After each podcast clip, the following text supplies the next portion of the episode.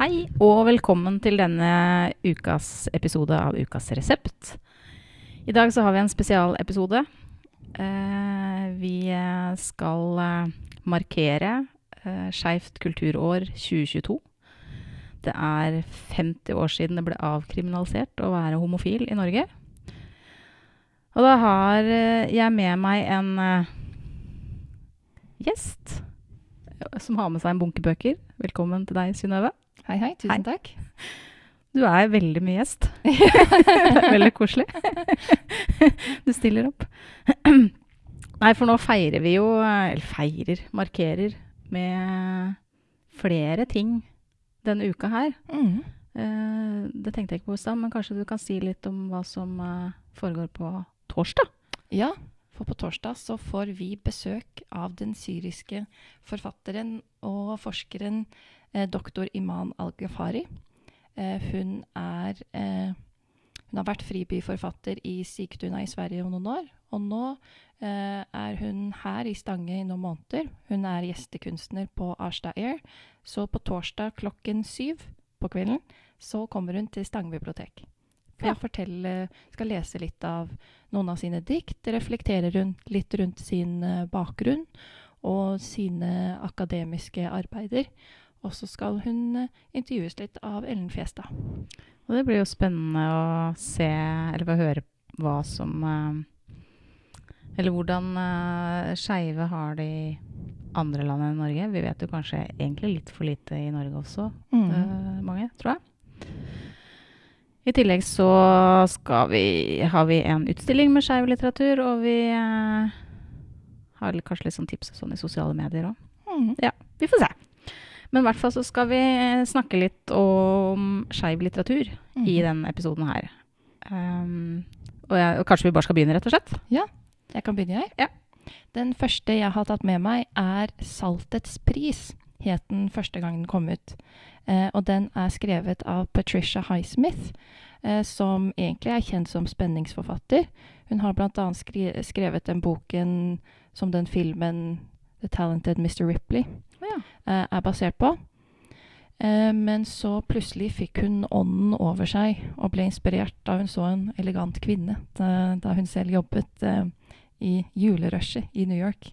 Da begynte hun å tenke å, kan det være slik? En ung kvinne og en eh, litt voksen, elegant kvinne.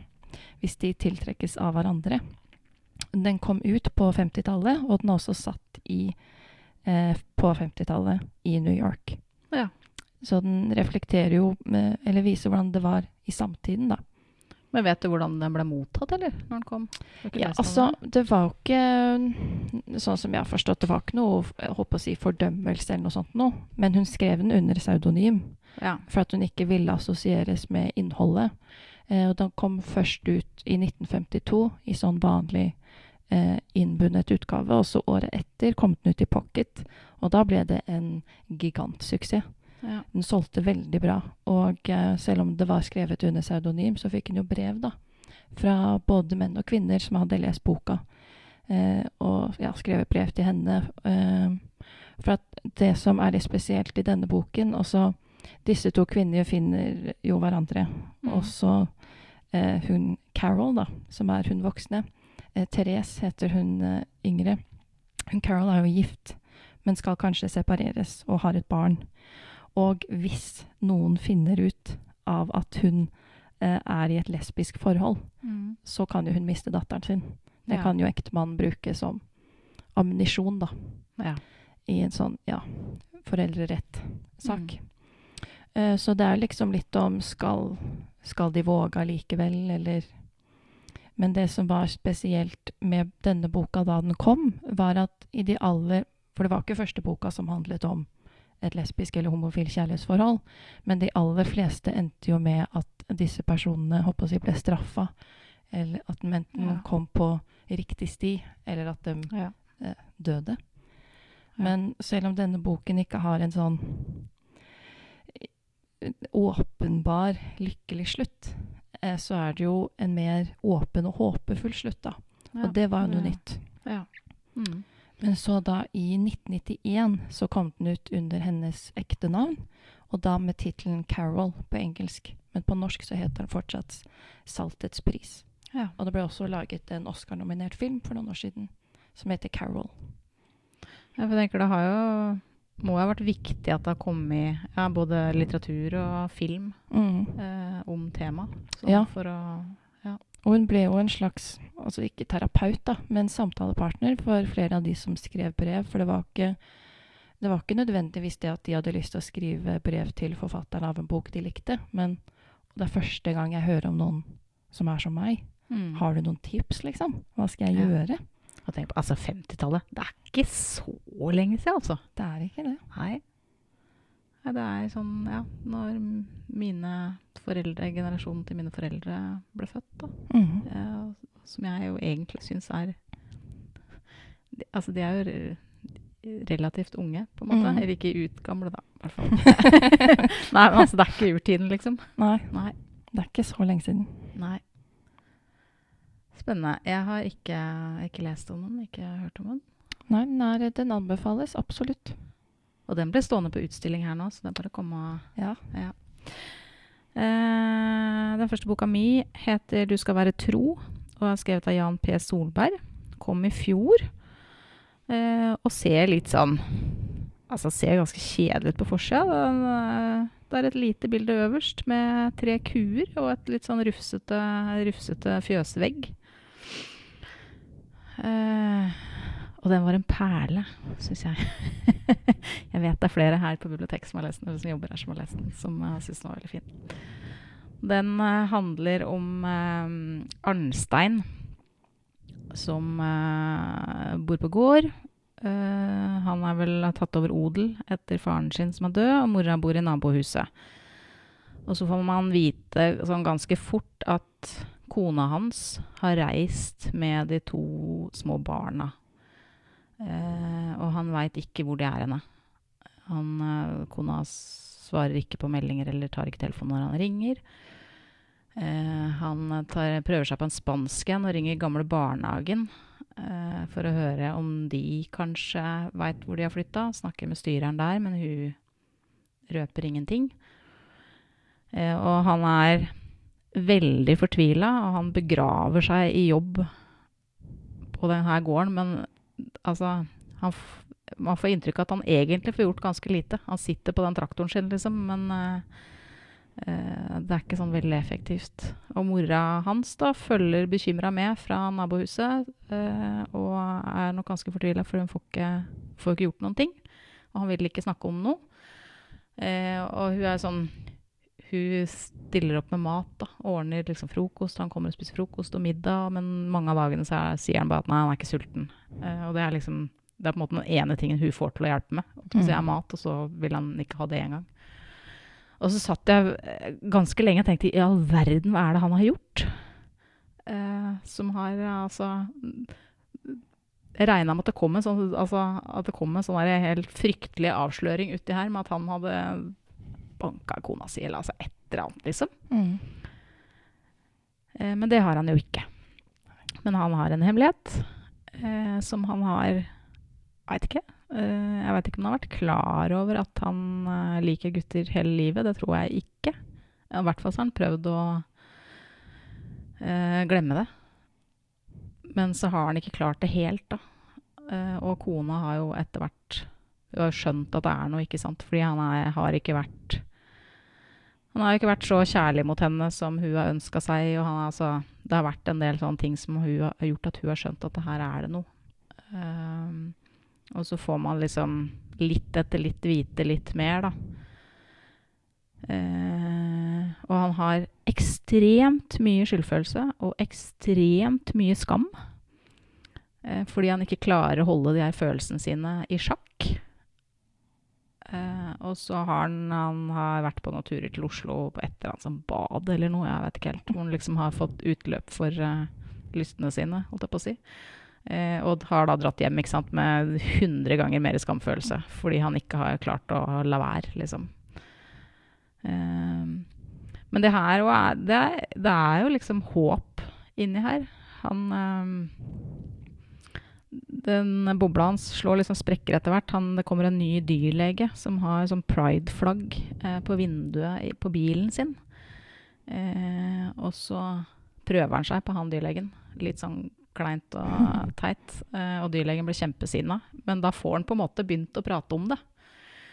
Eh, og så får han kontakt med en litt sånn tilfeldig, en eh, mann fra Syria, tror jeg, som bor på det lokale flyktningmottaket, som han som begynner å jobbe hos den. Litt sånn uten at de snakker om det, egentlig. Og så får han høre litt historien til han mannen etter hvert, som er jo ganske fæl.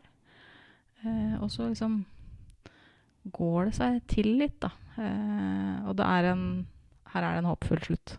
ja, Det er fint. Eh, både når det gjelder hans eh, indre strid og forholdet til eh, ekskona og barna. Ja. Men den, sånn, den ser så stusslig ut på utsida, syns jeg. Eller den ser sånn anonym ut. Ja. Eh, men uh, en av de bedre bøkene jeg leste i fjor, altså. Yes. Ja. Uh, og så var det liksom sånn Altså, dette her var den trauste arbeidsmannen fra bygda som Mm. fikser store maskiner og er liksom sånn Han fikser alt. Og så har han ikke noe språk for følelseslivet sitt, liksom. Mm. Eh, så det var eh, Ja. Nei, det var veldig fin å lese. Min neste bok er også, som min forrige, eh, ikke så veldig ny.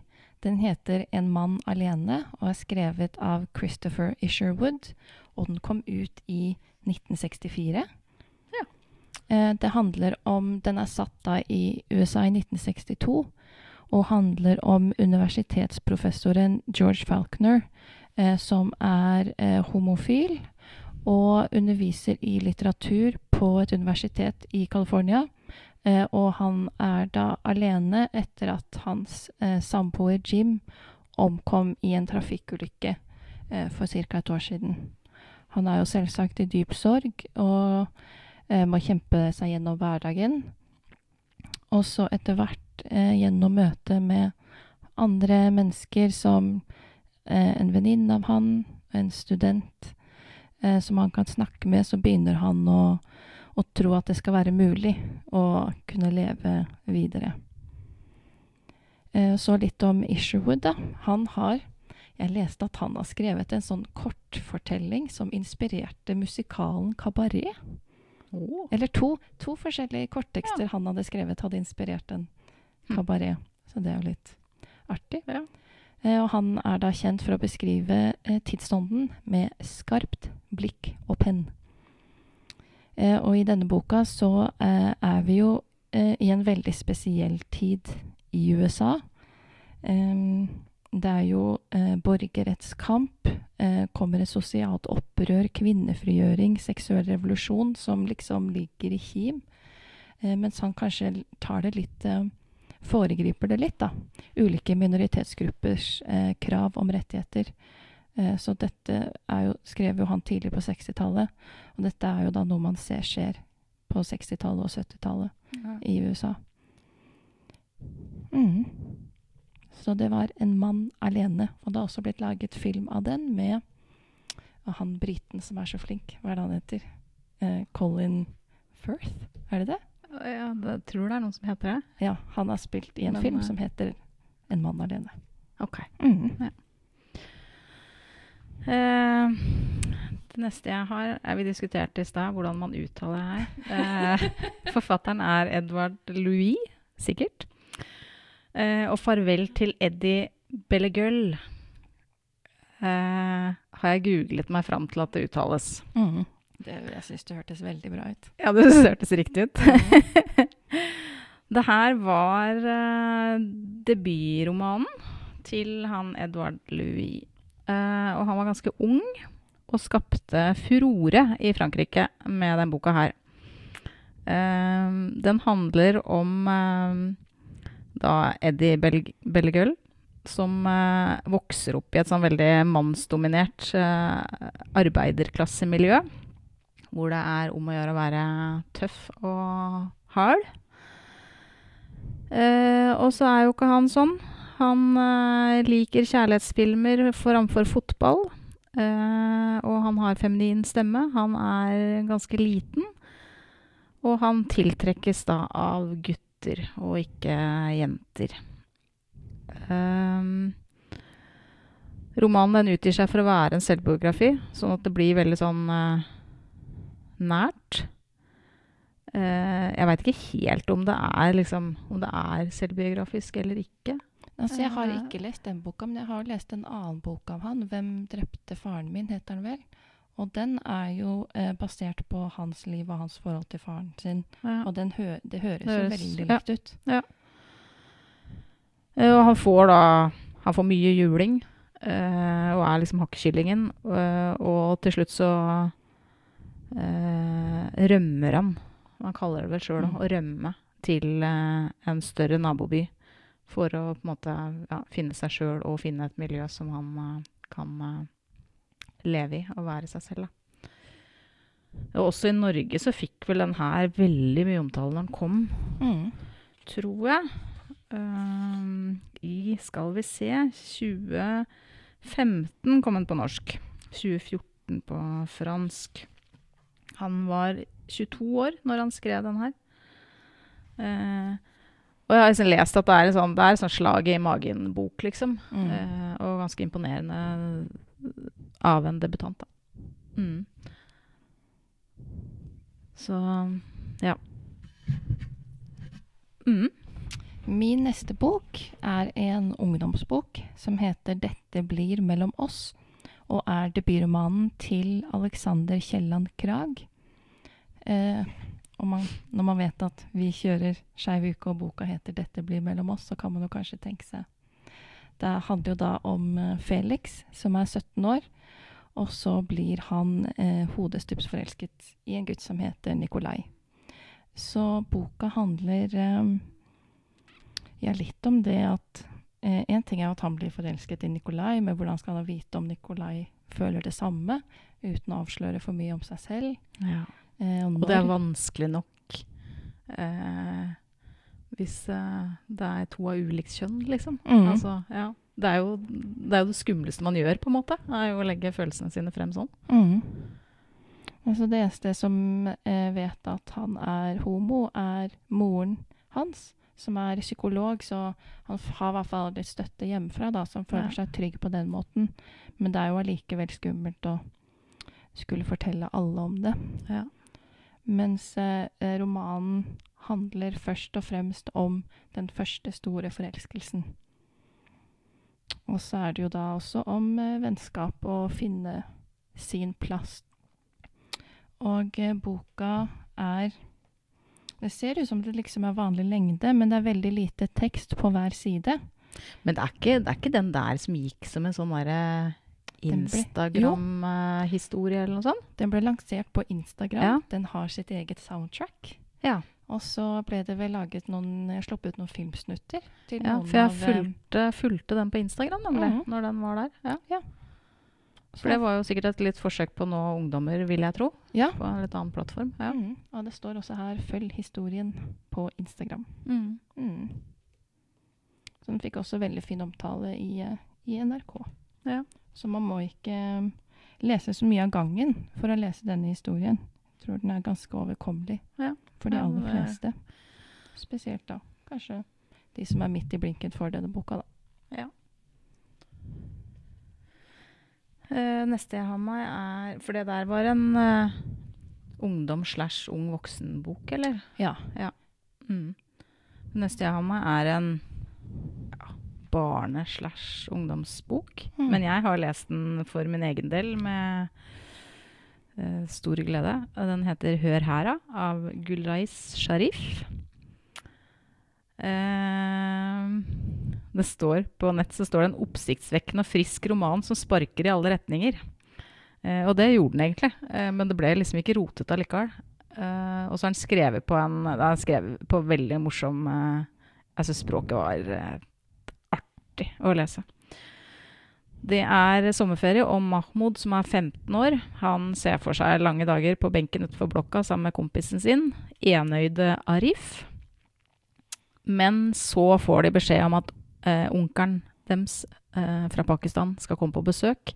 Og så blir det liksom sånn at hele sommerferien skal på en måte dreie seg om å gi denne onkelen best mulig inntrykk av familien og Oslo og Norge, som han da kan ta med seg tilbake til Pakistan og fortelle hvor, eh, hvor bra det går, og hvor eh, fint de har det. Eh, og det blir mye stress, da. For sånn Jeg tror han tenker at han onkelen antagelig er kjempestreng og eh, Ja. Og så er det mm, Og han eh, Mahmoud han får som jobb å vise onkelen litt rundt, for han har jo sommerferie. Og så er det litt problemstilling, fordi Ali, lillebroren, han elsker å kle seg i jenteklær. Eh, og det har han på en måte fått lov til å gjøre. Eh, og så er det ingen som liksom har blanda seg inn i det. Alle tenker kanskje at det går over, veit ikke. Og så blir det sånn Han kan jo ikke drive med det når han pakistanske onkelen kommer på besøk. Eh, og så prøver å forklare han Jeg husker ikke helt hvor liten han lillebroren er, men han er ikke sånn kjempestor. Jeg lurer på om han kanskje går i barnehage eller helt i starten på barneskolen. Så jeg liksom prøver å forklare han det her sånn at det ikke liksom På en måte som ikke gjør at han eh, blir lei seg eller føler at det er noe feil med seg, Mm. men som gjør at han på en måte forstår at uh, han må slutte en periode. Men så blir jo ikke altså Det er jo sånn med alt, egentlig, at du kan planlegge og planlegge og planlegge, men det er ikke alltid at når du er avhengig av andre personer rundt deg, så er det ikke alltid at de gjør akkurat sånn som du har eh, tenkt i huet ditt. Og sånn blir det her òg. Eh, han onkelen er ikke så farlig som eh, de har sett for seg. Veldig sånn eh, Altså veldig fin Fin bok, syns jeg.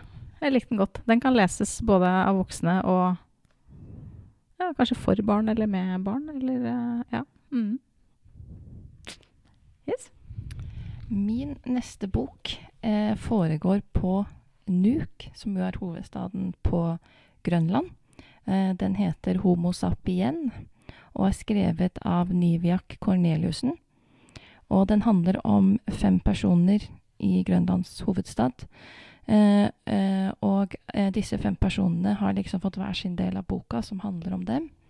Og alle de strever med ulike spørsmål rundt sin egen seksualitet og eller kjønnsidentitet.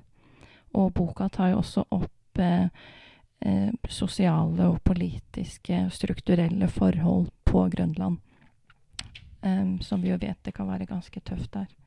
Um, og forfatteren er jo selv født og oppvokst på Grønland.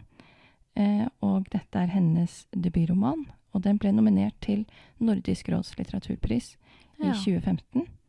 Og den er oversatt til norsk av Kim Leine. Oi. Mhm.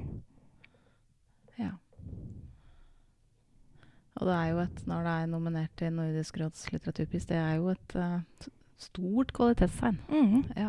Absolutt. Det er det. Så den har fått uh, mye skryt både i Morgenbladet, Politikken og New Yorker. Og, Mhm. Artig også Ja, det er jo ikke så Fra Grønland, var det det du sa? Mm. Det er jo liksom ikke Det er ikke Altså, jeg veit ikke om Jeg har ikke lest Vet ikke om jeg har lest noen bøker av forfattere fra Grønland. Nei, det vet jeg ikke om jeg har heller. Nei. Men da kan man jo tå og slå to fluer i en smekk. Ja. Både lese om Markere skeiv kulturår og bli litt bedre kjent med Grønland. Smart. Det neste jeg har, er Jeg holder meg litt i sånn barne- og ungdomsboksjangeren, ser jeg. Bok som heter 'Hvis du lyver' av Thomas Marco Blatt. Som handler om Klara som snart er tolv år og forelsket. Og det er jo vanskelig Det er ganske skummelt i den alderen. Enda mer, kanskje enda mer skummelt enn det er seinere. Eller kanskje ikke. Jeg vet ikke. Men alle tror at hun er forelska i bestevennen sin Mathias, fordi de er sammen hele tiden. Eh, men det er hun ikke. Hun er forelska i den to år eldre naboen, som heter Sofie. Som går kledd i mørke klær og hullete jeans. Eh, og det er det ingen som veit. Eh, og hun eh, Det blir vanskelig å fortelle det, da, når alle tror at det er noen andre. Mm. Det er en bok som skildrer den første kjærligheten, og foregår i noen få vårdager. Eh, og den forteller om tap, om det å bli mer moden. Og det å være forelska i noen som Altså, eller ha en annen type opplevelse av forelskelse enn det som er normalen, da. Det å skille seg ut, liksom. Når venninnene f.eks. snakker om hvem de er forelska i og sånn. Mm. Ja. Neste jeg har tatt med, er jo eh, tre bøker. Eh, det er serien eh, til, eller triologien til Jonas Gardell, 'Tørk aldri tårer uten hansker'. Og de bøkene heter da Nummer én heter 'Kjærligheten'. Nummer to heter 'Sykdommen'. Og nummer tre heter 'Døden'. Og det der er jo sånn klassikere som alltid blir trukket fram Mm. i eh, Ja. Eh, Så for de som ikke eh, vet, da, så skriver Jonas Gardell eh, basert på eh, egne opplevelser. Og det handler jo da om eh, det homofile miljøet i Stockholm på begynnelsen av 80-tallet, begynner det. Eh, og da hvor eh, dette homofile miljøet, som alle andre homofile miljøer på 80- og 90-tallet, blir eh, veldig sterkt preget av hiv og aids-epidemien. Mm. Em, så det handler jo om kjærlighetsforholdene de opplever, og vennskapene, og til slutt da hvordan det ender for eh, noen av dem. Og det kan jo også være litt spesielt å tenke på denne epidemien når vi står i en Ja. for, ja, forhåpentligvis slutten på vår tids pandemi, Ja. om at det er ganske mange flere som bryr seg nå. ja. Og før så, ja, med dette så var det jo ganske stygt. Det tok jo lang tid før man faktisk begynte å bry seg om de som blei syke. Og for det var jo ja, litt holdninger om at de hadde jo egentlig bare seg selv å skylde. Hvis de hadde levd normale liv, så hadde det jo ikke skjedd. Nei, det var jo på en måte allerede en litt stigmatisert gruppe, egentlig. Og så ble det jo ikke Ja, altså, ja, de fikk, altså man fikk jo skylda sjøl. Eh, og andre folk gikk jo Altså gikk jo og var redde, liksom. Mm. Jeg husker jo til og med at det var en sånn greie med om det var Om du kunne få eh, hiv av å gå på offentlig do, f.eks. Ja. Eh, så gammel er jeg. Så gammel er ikke jeg. Nei, men altså at det var Men det, ja. Og så er det jo kanskje en del av historien som eh, også for veldig mange er eller blir glemt, da. Mm. Fordi det ikke har an... Altså sånn som den pandemien vi er i nå, liksom. Den, det her har vi jo en kollektiv hukommelse. Mm. Eh, ja. Men det er jo en veldig sterk bokserie om ja, en viktig del av den skandinaviske og verdens ja. homohistorie som ikke bør glemmes. Ja. Eller gjemmes bort. Men tar jeg helt feil når jeg tror at de er filmatisert? Eh, det er laget en TV-serie, tror jeg. TV-serie, ja. -hmm. ja. Jeg mener, ja. Jeg fikk det for, Men for meg, så ikke så lenge siden den kom ut. Ok. Fire-fem år, kanskje? Så da går det jo an, hvis man liksom syns det er mye å ta fatt på tre bøker, så går det an å sni, snike seg til å se TV-serien i stedet. Absolutt. Ja. Jeg, jeg har en mistanke om at Jonas Gardell kanskje var med på å, å lage TV-serie nå. På Ja, det et eller annet vis. Det veit jeg ikke. Nei. Nei. Uh, den neste boka jeg har, den uh, har sikkert mange lest allerede. Eh, men det skal det jo ikke minne på. Det er Mjøsa rundt med mor med Bjørn Hatterud. Eh, og selv om mye av boka liksom er eh, ja, lokalhistorie rundt omkring her og litt nordover, eh, så er det jo òg mye tilbakeblikk fra når han var ung. Eh, både barne- ungdomsskole og videregående. Eh, og hans opplevelser og tanker rundt det å vokse opp på bygda som homofil og funksjonshemma. For han hadde jo på en måte to, to ting som gjør at du eh, ja, skiller deg ut, da. Eller Mm. syns. Ja, syns. Eh, og vi var jo på et eh, en sånn eh, en eh, litteratursamtale med han, hvor han fortalte litt fra videregående, blant annet. Eh, og det var ganske I boka så liksom kommer det altså, boka så er det Eller ikke distansert, da, men eh, jeg, jeg fikk litt inntrykk av at når jeg leste boka, at han at det på en måte Han har jo kommet Han har gjort det bra her i livet, liksom. Og, Mm. eh, men det var jo veldig tydelig da at en del av de tingene han har blitt utsatt for, har satt dype spor, da, som Mm. ikke det var ting som det var veldig vanskelig å snakke om. Eh, ja. Hva, hva det gjør med folk, liksom. Mm. Med, og det kan ha vært ubetenksomhet, ikke sant. Mm, Fra ja, videregående, eller han nevnte jo en episode fra videregående blant annet. Mm. Med ungdom som jeg ikke skjønner hva de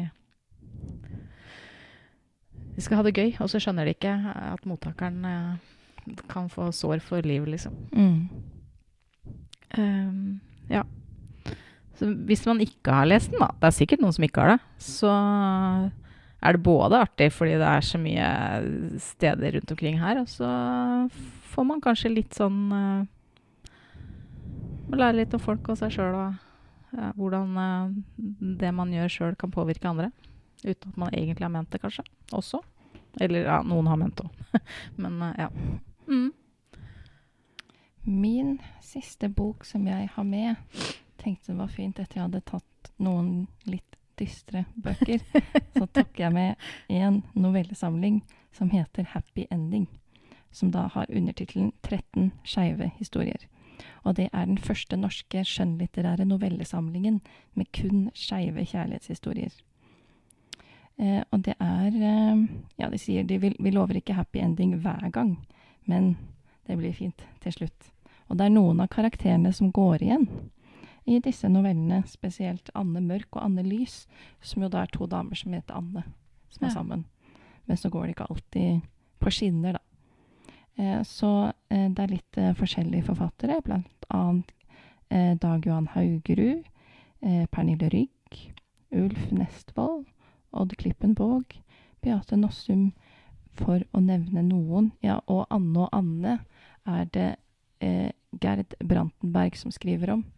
Og så er det da et forord i denne novellesamlingen som er skrevet av Kim Friele. Ok. Mm. Ja. Så hvis man har lyst til å ja, bare lese litt fine ting, da. Det er koselig, det òg. Ja. Vi, eh, vi, snak, vi snakka litt om det i går, tror jeg, for jeg. Men nå vet jeg ikke, vi har vel ingen sånne type bøker. Men jeg mener at Vil jeg ta feil, da? At eh, spesielt i ungdomsbøker så har jo mm, det med ja, Det å være lesbisk eller homofil eller være skeiv på ulike måter, har vært på en måte et tema i ja, For noen år siden i hvert fall. Som, eh, men så mener jeg liksom at det har vært en vridning mot at det har vært, er et poeng når man skriver den type bøker, at det ikke skal være et tema, holdt jeg på å si. At det skal Mm. være like naturlig å skrive om det som kjærlighet mellom eh, ulike kjønn. Da.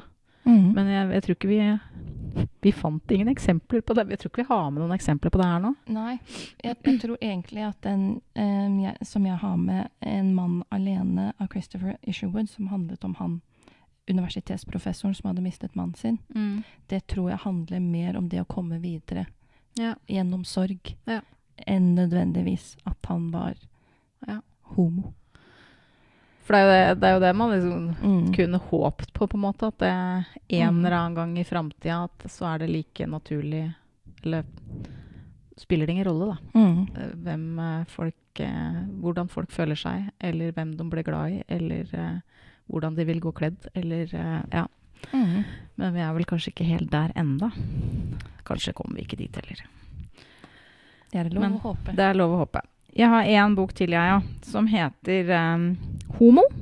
For deg som er, lurer på om du er eller har lyst til å bli homo, eller for deg som bare lurer på hvordan disse homogreiene funker.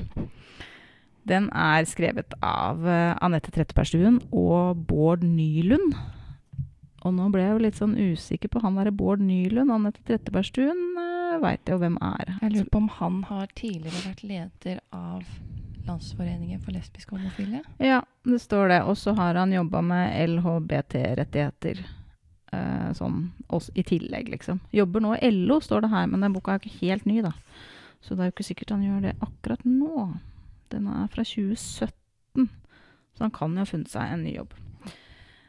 Eh, og den liksom, den er liksom fresh, eh, delt opp i liksom små kapitler. Den er vel kanskje for ungdommer, muligens, men jeg tenker at det er Hvis man leser liksom kommentarfeltet under eh, diverse innlegg på Facebook, så kommer det ganske kjapt uh, fram at det er en del også godt voksne mennesker som ikke veit hva de Ja. svarer på, eller hva de snakker om, eller uh, ja, ikke forstår uh, Mm. problem, altså disse problemstillingene i det hele tatt, liksom.